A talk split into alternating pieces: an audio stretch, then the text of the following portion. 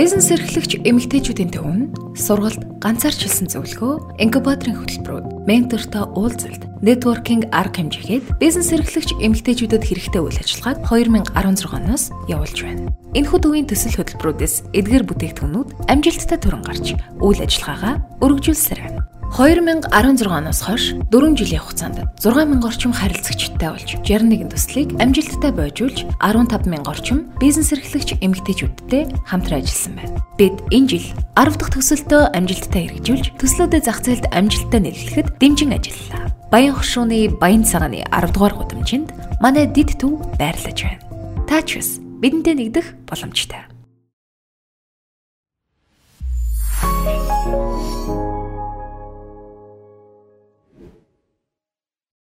Сайн байцгаана уу? Та бүхний өдрийн мэндийг хүргэе. Азийн сангийн бизнес эрхлэгч эмэгтэйчүүдийн төв төслийн Women Talk Business Podcast хоёр дахь дугаар эхлэхэд бэлэн болоод байна.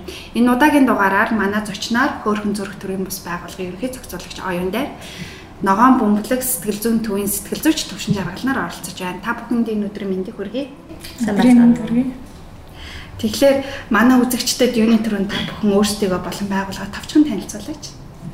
Хөрхэн зүрх төрөмс байгууллага 2012 оноос хойш гендер зөрчил хүчирхийлэл тэр дундаа гэр бүлийн болон бэлгийн хүчирхийллийн хохирогч даван туулгачтай нөхөн сэргийх нийгэмшүүлэх үйлчлэгээ үзүүлж эхэлсэн. За тэгээд энэ мөн нийгмийн ажлын болон сэтгэл зүйч мэрэгчлэлтэй мэрэгсэн ёс зүйтэй одоо яг энэ үйлчлэгийг бол одоо төрийн өмнөөс чигүүргийг одоо гэрээлийн гүйцэтгэхээр маглаа итгэмжлэж одоо энэ үйлчлэгийг үзүүлж байна.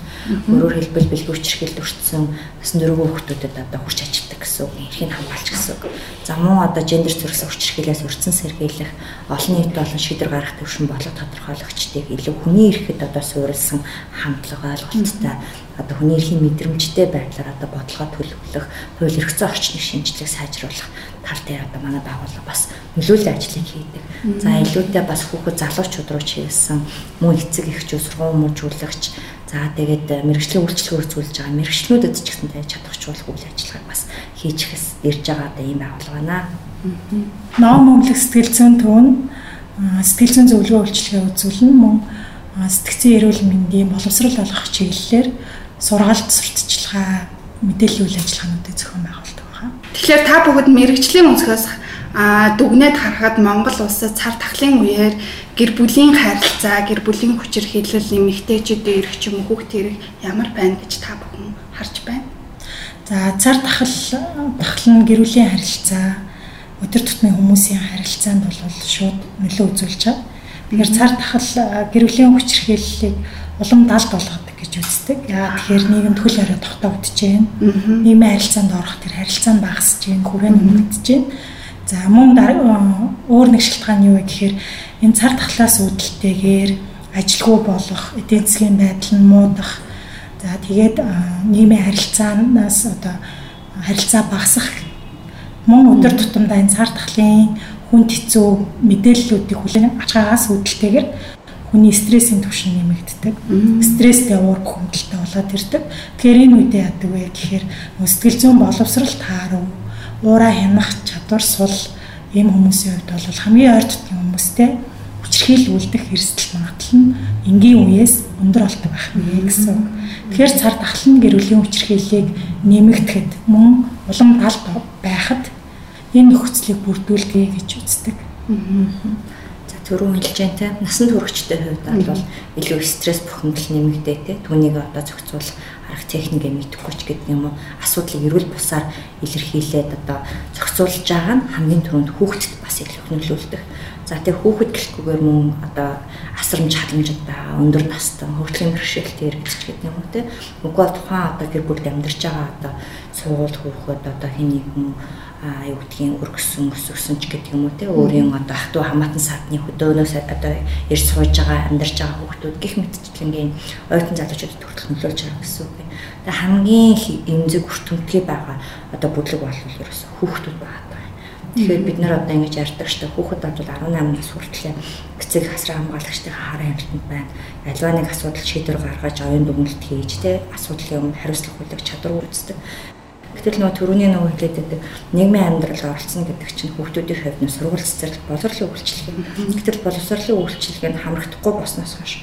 За тэгээ хүүхэд бол ялангуяа нас идэхгүй онцлогоос шалтгаалаад тоглоомын нас уу тий үтгийнхэнтэйгээ найзч нөхөрлөх үе юу ч гэдэг юм те яг энэ нөхцөл байдал саяны нийгмийн харилцаанаас хязгаарлагдчихна гэсэн үг. Тэгэхээр хамгийн түрүүнд харилцаж байгаа хамгийн ойр татан байгаа хүн бол магадгүй гэр бүлийн гишүүд за магадгүй аав нээж нэ тий үгүй бол одоо гэр бүлийн хүч хэрхийлэлд өртөөд байгаа одоо эмэгтэйчүүд ээж нар гэдэг ч юм уу байж болно. Гэтэл нөө гэр бүлийн хүч хэрхийллийн зөрчил маргаан харилцааны одоо хохирогч дамдуулагч болж байгаа эмэгтэйчүүд маань одоо өөрсдийнхөө тэр нөө юу гэдгийг дамтуулах одоо тэр нөхцөл байдлыг эрүүлэр харж илэрхийлж чадахгүйгээсээ болоод асуудлыг хүүхдтэй одоо жишээлбэл юу гэдэг гаргадаг тийм хүүхдтэй одоо бас эрүүл бас харилцаа хүчрхийллийн аргаар хүмүүжүүлэх ийм магадлал өндөртэй гэсэн. Тэгээ түүнээс улбатаагаар хүүхдүүд мэдээж вэ? заавлын хувьд өөрчлөлтөө олох үгүй бол эрсдэл үйлдэлүүдийг хийх юм тохиолдол гарч болж болзошгүй байна л да. Жишээлбэл юу гэдгийг аа гэр бүл гэрээсээ одоо дайжчих гэдэг юм уу гадуур PC тоглоомд одоо тоглох тий одоо бол мэдээ чил холиороотой байгаа учраас хин нэг найз нөхдөдөө одоо гадуур хоногч гэдэг юм за тэгээд арх мас уруулах бодис хэрэглэх гих мэтчлэнгийн эрсдлүүлүүдийг бол өндөртэй гэсэн гэр бүлийн гишүүд тэр дундаа асран хамгаалагч насан туршсан хүмүүс хүүхдүүдэд анхаарал хандламж тавих нь маш одоо өндөр чухал хэрэг шаардлагатай. Тэгчээж энэ хүүхдийн эсрэг хүчээр хийлэл гэр бүлийн хүчээр хийллийг бид бууруулж бас чадах боломжтой гэсэн үг л дээ.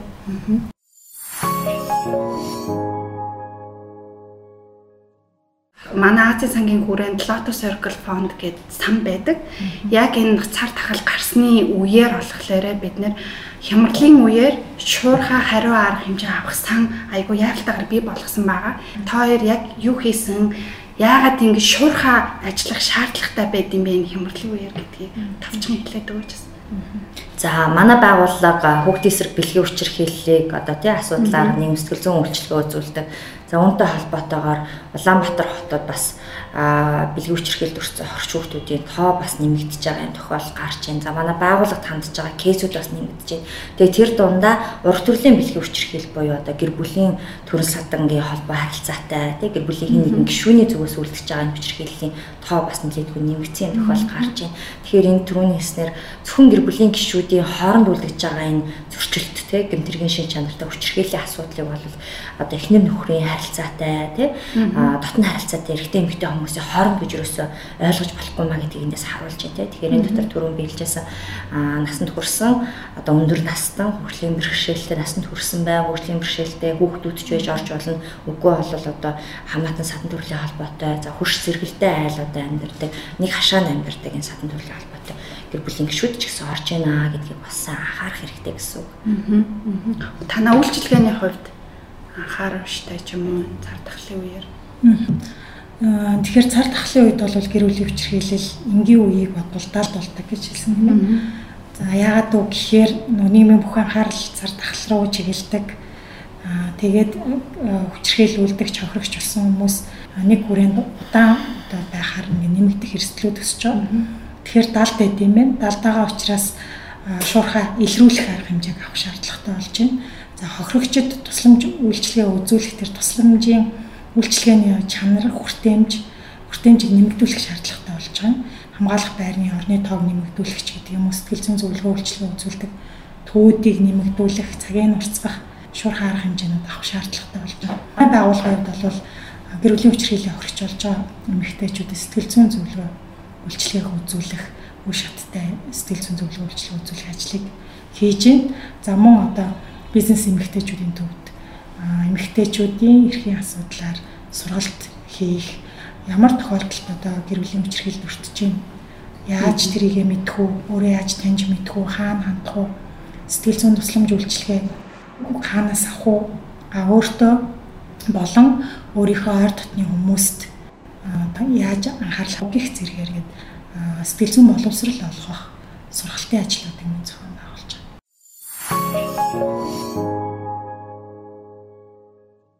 За хөөрхөн зүрх төрөмс байгууллага өнгөрсөн одоо 4 сараас хойш сонгуулийг дуустал те 6 сарын 30-ны хүртэл Азийн сан байгууллагатай хамтраад хийсэн үйл ажиллагаа гэх юм бол гэр бүлийн хүчирхийлэлд одоо өртөж те болцшгүй үгүй бол өртөж байгаа үгүй бол түүнийг даван туулж байгаа эмэгтэйчүүд Гэхдээ эмэгтэйчүүд гэдэг тэр дотроо бол мэдээж нэг хөгжлийн бэрхшээлтэй, бэлгийн цөнх, хөдөлмөр эрхэлж байгаа, хүүхдээ гэртээ харж байгаа гих мэтчлэнгийн одоо бодгоо одоо амарч гад те жирэмсэн байгаа хүүхдээ төрүүлсэн хүүхдээ гэртээ харж байгаа. Гих мэтлийн эмэгтэйчүүд зориулаад нэгдүгээр бид нар гарын авлага гаргасан байгаа.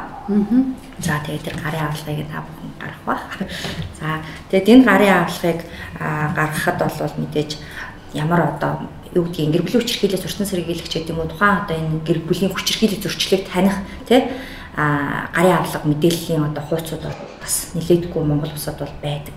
А гэхдээ яг хөө тэр тэдгээр одоо материалуудаас илүү онцлогтой гэх юм бол те яг энэ дамтуулагч эмэгтэйчүүд рүү чиглэсэн. За хэрхэн яг хууль зүйн болон одоо сэтгэл зүйн хувьд тусалцаа дэмжлэг авахын төрийн байгууллага болон төрөмс байгууллагуудаас за эрүүл мэндийн үйлчилгээ за мөн одоо хамтарсан баг хороодоос те нийгмийн ажилтнаас гэдэг юм уу. Яг ямар одоо төрлийн үйлчилгээг одоо хэрхэн авахын авахаар болох юм бол те хаана очиж авах юм өргөдөл гомдлоо хаана гаргахын за тэгээд одоо ямар байдлаар те одоо юу гэдгийг хүн төлбөртэй үйлчлэгээ байх юм уу бичиг баримт шаардлагатай юм уу ч гэдэг юм те тухайн нөхцөл байдалд те одоо тохируулсан байдлаар энэ гарын авлага гаргасан. За мөн хэрхэн даван туулж байгаа буюу тэр хүчирхийлийг даван туулах одоо энэ процессто өөрийгөө хэрхэн хайхын, өөрийгөө хэрхэн хайрын, тэгснэр хэрхэн яаж гэр бүлийн ялангуяа одоо нөгөө эмзэг бүлийн өндөр настай хөгжлийн бэрхшээлтэй иргэдийг бас нөгөө аюулгүй байдлыг төлөвлөхийн ч гэдэг юм те. Энэ бас арга аргачлалуудыг бас зааж өгсөн ийм гарын авлага болсон. За бас нэг сонирхолтой зүйл нь гэх юм бол манай монголчууд бас гэр бүлийн хүчирхийллийг одоо бий болж байгаа учир шалтгааныг бол одоо юу гэдгийг архитектаас болж байна, ажилгүйдлээс болж байна ч гэдэг юм уу те гэж үздэг. А гэтэл энэ маань өөрөө нэг эрх мэдлийн одоо гэмт хэрэг гэж бас тий олон улсын судлаачд бол ярьдаг. А гэтэл яг энэ хүчирхийллийг гарлаад байгаа, хүчирхийллийг одоо юу гэдгийг өөгшүүлээд байгаа, тий улам бат бүх болгоод байгаа энэ нийгмийн соёлын одоо энэ юу гэдгийг ойлголт тогтолцоог илүү бодтой ялангуяа залуучууд ялангуяа одоо энэ юу гэдгийг хосын дунд одоо авч хилцдэг энэ хөвшмөл ойлголтуудыг бол одоо бас нэлийн аа тий шинжлэх ухааны үндслэлтийг бол тайлбарлсан байдлаар бол оруулсан. Тэгээ энэ маань өөрөөр юу гэх гээд нөхөрөө нийгэмч төдийгүй тухайн хүчирхийл үлдэж байгаа этгээ тэдний гэр бүл за мөн өөрөө тий хорш даван туулагч өөрөө ч гэсэндээ хүчирхийллийн одоо бас шалтгаан нөхцөлийг өөрөөсөө бас хардаг. Өөрөөр хэлбэл хорч даван туулагчдыг буруутгах гэж гэсэн үг юм. Тэгэхээр нийгмийн нөлөөлөл бол маш чухал. Тэгэхээр үүнэр бас чиглэсэн. За тэгээд бас мөн өөрсдөнд рүү яагаад н хүчирхийлэл үүсгээд одоо зөвхөн өөрийнх нь шалтгаан өөрөөс нь одоо шалтгаалж байгаа ч гэдэг юм уу те. Үүнийг үүсгэхтэй зорилготойгоорс мэдээлэл гарсан бас их сонцлогтой болсон. За тэгээд цагдаагийн байгууллагатай хамтраад хийсэн үйл ажиллагааны тусламжийн хуудсыг бид нар хийсэн байгаа. А гэр бүлийн хүчирхийлэл тэмцэх тухай хуулийг одоо те хуулийн тусагдсанаар цагдаагийн байгууллагын одоо ажилтан а дуудлага мэдээллээр одоо очиж те үйлчлэг одоо үзүүлж байгаа дуудлагаар очиж байгаа цэдагийн ажилтан гэр бүлийн хүчирхийллийн одоо хуулийг сурталчилж таниулах талаарх мэдээллийг одоо агуулсан юм хууц байгаа. Тэгэхээр энэ маань өөрөөр хэлбэл яг тусламж дуудлагаар одоо очсон тий цагдаагийн ажилтнууд хүчирхийллийн даван туулагчдад одоо шууд байдлаар бол мэдээлэл өгч гэнэ гэсэн үг юм. Жишээлбэл дуудлага мэдээлэлээр очлоо гэхэд доод тал нь 5 удаа энэ тухайн гэр бүлийн хүчирхийллийн маргаан тий зөрчил бол хүчирхийллийн харилцаа бол явагдсан байгаа. Тэгэхээр энэ нэг удаа тохиолдоод шууд 102 утсан дуудлага өгөөд цагдаагийн ажилд очиж гэн гэж юусоо энэ сэтгэл зүйн байдалтай тий очиж юусоо болохгүй. Үнэхээр одоо аргаан бараад мухардаад гэдэг юм уу та. Тэгэхээр энэ бол яг энэ нөхцөлд очиж байгаа учраас илүү гэр бүлийн хүчирхийллийн асуудал нэг бол анх удаагийн зөрчил гэдэг юм уу те гэж хөрөөс харж болохгүй энэ гинтрийн шин чанартай гэдгийг бол харж мэдээллийн одоо үйлчлэлээ үзүүлэх хэрэгтэй гэдэг. Ковид 19-ийн одоо яг эд те тархалтын үеэр одоо Монгол улсад бол эд 20 тавигдсан үе. За мөн одоо сонгуулийн үе байсан учраас бид нэр онлайн болон офлайн буюу те хэлбэр орлуулсан сургалтуудыг зохион байгуулсан байна.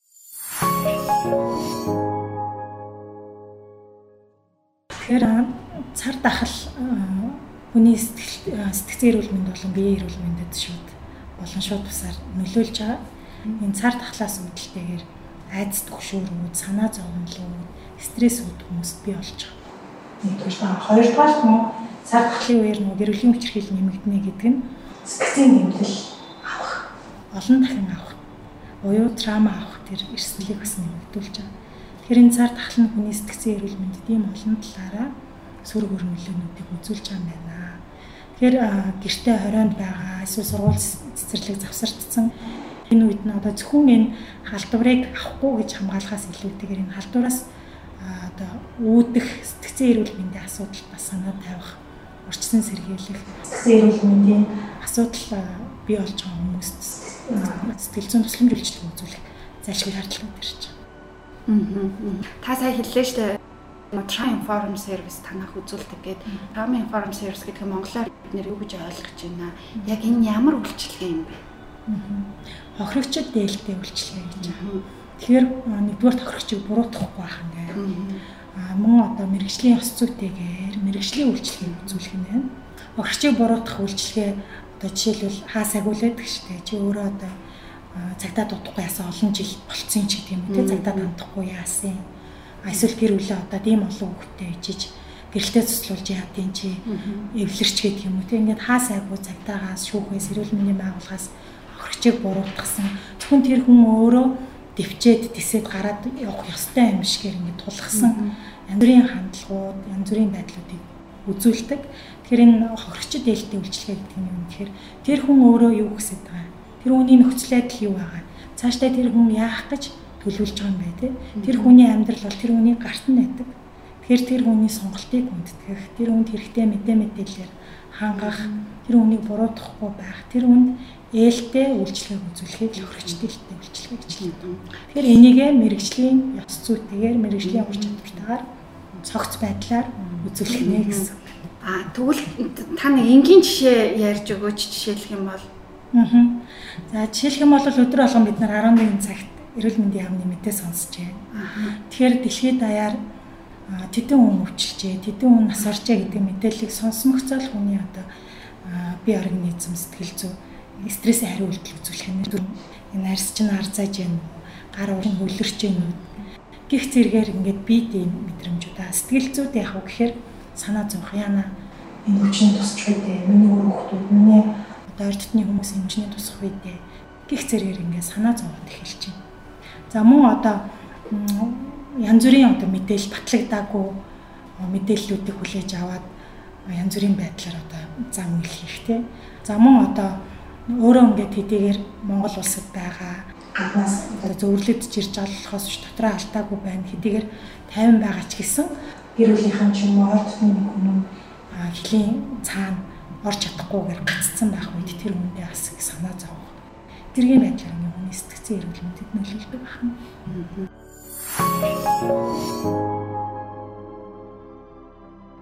Төрөө оюун дарын таны хэлснээр өмнө хүний эрхийн мэдрэмжтэй хандах гэдэг Энэ яг юу гэсэн үг юм бэ? Манай сонсогчид бас сайн мэдрэхгүй байх яг хүний эрхийн мэдрэмж гэнгүүт. Тэгэхээр энэ дэлхий дээр амьдарч байгаа 7.4 тэрбум хүн тий гаруй За Монгол улсад амьдарч байгаа 3.3 сая хүн ч гэдэг юм те. Энд байгаа бүх хүмүүс хоорондоо харилцаа ажилгүй дахин давтагдчихгүй өөр өөрийн онцлогтой. Тэгэхээр би өөр, Саранзай чи өөр, Түшин жаргал нэг өөр тийм одоо хардлагт явдаг. Хөрөө эхнэрээ байнга нөхрөө ч юм уу те байнга мөрдөж мөшөгдөг, тагнадаг, танддаг те одоо нийгмийн харилцааг нь тусгаарладаг, гэрээс гадаа гарахыг нь хоригддаг одоо өөрийнхоороо байхыг өөрийнхоороо одоо бодох одоо юу гэдгийг хувцлахыг ч гэдэг юм те үжид бодлоо илэрхийлэхийг хоригл ийм байлаа гэж бодъё. Яг үүнтэй адилхан гэсэн үг байхгүй.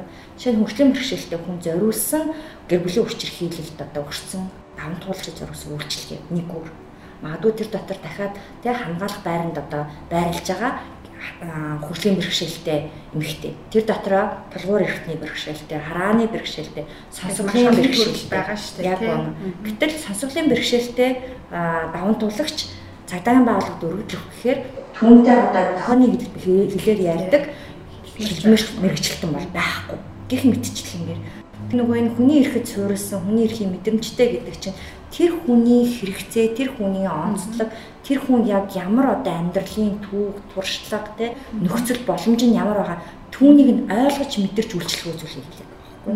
Жишээ нь хүүхэд одоо манай байгууллага дээр гэхэд бэлгийн хүчирхээлд өртсөн байлаа гэхэд ихэвчлэн юм гэдгийг өсвөр насны охтууд өртсөн байлаа гэхэд охтуудыг буруутгадаг. Чи өөрөө ингэж өдөж хоргоосон чи өөрөө багаж явсан. Чи мэдээж одоо буудалд ороход чи ойлгомжтой штэ. Чи мицээр байж орсон юм билээ штэ ч гэх юм аа тийм дуртаатай ч юм. Чи өөрөө юм ил зат авах хүмүүс штэ ч гэх юм. Гэтэл яагаад энд 12 настай хүүхэд одоо өртцөн байл гэхэд бас ялгаа авахгүй тэр арга хэрэглээд байгаа.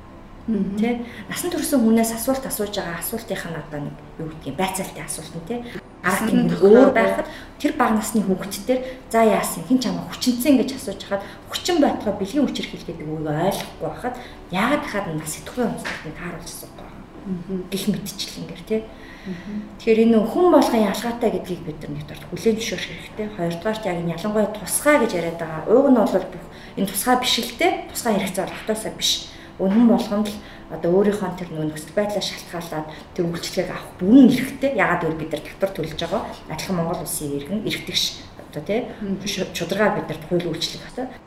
Амсалтааны нэг нөгөө нийгэмд бид нар тусгай хэрэгцээтэй гэж яриад байна л да. Тэгэхээр энд нөгөө тусгай хэрэгцээтэй хүмүүст хүртэл бид нар эрх тэгш хүртээмжтэй чанартай үйлчлэг үзүүлэх асуудал яриад байгаа. Тэгээд үүн дээр ёс зүйтэй. Хүний эрхийн мэдрэмж бол ёс зүйгээр хэмжигдэж дээ одоо тийм. За хэрвээ таны ойр дотны хин нэгэн хүчрхийлд өртөж байгаа бол хуршчин ч гэдэг юм уу найз нөхөд чинь танаа гэр бүлийн хин нэгэн өртөж байгаа бол цагдаагийн байгууллагад хандаач гэж 102 бичсэн хандаад тэгэхээр цагдаа танд шууд нөгөө баривчилчих болов шоронд хорчих уу гэдэг яагаад гэдэг те. Тэгэхээр цагдаа танд нь цагдаа очиод үйлчлэг үзүүлнэ гэдэг нь хамгийн нэгдүгээр тэр хүний эрүүл мэнд амь нас хохирохоос хамгаалж байна. Хамтарсан баг буюу оршин сууж байгаа газрынхаа хороо хороо сумынхаа засаг дарга нийгмийн ажилтнан хэсгийн байцаагч. буюу цагтаа гих зэрэг энэ мэрэгчлэнүүдэд хандаж болох нэ. Тэр энэ хүмүүстэй хандаад зөвлөгөө бусад шаардлагатай үйлчлэгийг авахыг санал болгооч. За мөн одоо Бурхан төрөмс байгууллагын пэйж дээрж байгаа Facebook пэйж мөн манай ногоон бөмбөлөг нэртэй Facebook хуудас байгаа. Ингээд ороод гэрүүлийн хүчирхийл гэж юу юм, мөн сэтгцэн эрүүл мэнд гэж юм, сэтгцэн эрүүл мэндэ хамгаалахын тулд хүмүүс юу хийх, хамгийн энгийн юу хийх шаардлагатай юм гэх зэрэг энэ зүрийн мэдээ мэдээлэлүүд байгаа мөн подкастууд ч байгаа. Энэ мэдээллүүдийг аваач, судлаач гэж хүсмээрээ. За тэгээд хүүхэд хүчрхийлд өртөж байгаа тохиолдолд хүүхдийн тусламжийн 108 утсанд хандаж болно. Цагдаагийн байр цагдаа 108-нд хүүхдээ хүчрхийлж хандаж болох нэ. За мөн одоо 107 буюу цагдаагийн байгууллагын дэргэдэх эрүүлийн хүчрхийллийн талаар мэдээлэл зөвлөгөө өгөх утсан. Тэгэхээр 102 нь бол шурхаа дуудлага аваад газар дээр нь очиж үйлчлэл үзүүлэх юм шүү дээ. А 107 107 нь болохоор зөвлөгөө өгдөг, мэдээлэл өгдөг утас гэсэн үг. Тэгэхээр цагдаа дуудаад арга хэмжээ авах хүсэлгүй байгаа бол 107 руу хандаад зөвлөгөө авч болох юм байна. Ярилцаж болох юм байна. Өөрт хэрэгтэй мэдээлэл авч болох юм. Яг нөгөө ойр дотны хүмүүс хөвчлэн хамаатан саад найз нөхөд ялангуяа хүчрхийлийг даван туулж байгаа тий эмэгтэйчүүд одоо хүмүүст бас илүү ойр байдаг шүү дээ тий одоо нэг надад нэг юм тохиолдчихлаа гэх Тэгээ энд хамгийн түрүүнөө буруутгалгүй сонсооч гэмээр одоо санагддаг. Өөрөө л одоо тий сайхан хоол хийгээ уу? Ийм олон хүүхэд суулаад ингээл чи өөртөө арчаагүй бахаар чи ингэлгүй яхаа гих мэдчлэн энэ буруутгалыг ерөөсөө битээ өгөөч. Тэгэхээр энд нэгдүгээр хүлээцтэй сайн сонсогч байгаа чи Өөрөөр хэлбэл тэнд магадгүй те бэрхшээл хүчрхийл дүртөөд байгаа тэр даван тулж байгаа эмэгтэйчүүдээ те ярих хэрэгцээ маш их байгаа тийм. Тэгээ алаваа нөгөө найс нөхөд хамаатан садан юу гэж хэлэх бол намайг тий ажлын хамт бол юу гэж хэлчих бол юу гэж ярих бол гэдгээс их имээдэг. Тэгэхээр энд нь бол одоо ерөөсөө тэгэж бодлохгүйгээр энэ дотор байгаа зүйлийг эхний ялж гаргаж сонсох тий сонсох нь их чухал байгаатай.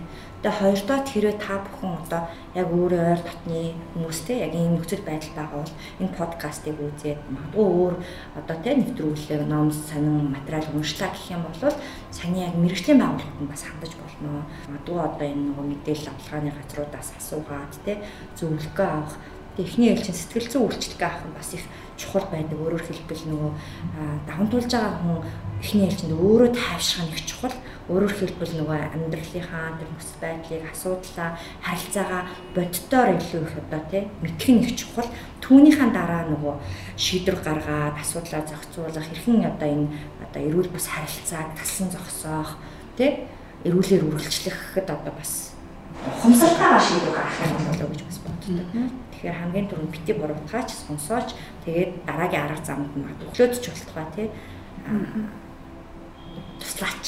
За та бүхэн энэ манай хоёр дахь дугаарын оролцсон маш их баярлалаа. Энэ үеийн дугаараар бид нар гэр бүлийн хүчирхийлэл болон цар тахлын үеийн сэтгцэн эрүүл мэнд эмэгтэйчүүдийн талаар төлөвлөгөө ярилцлаа.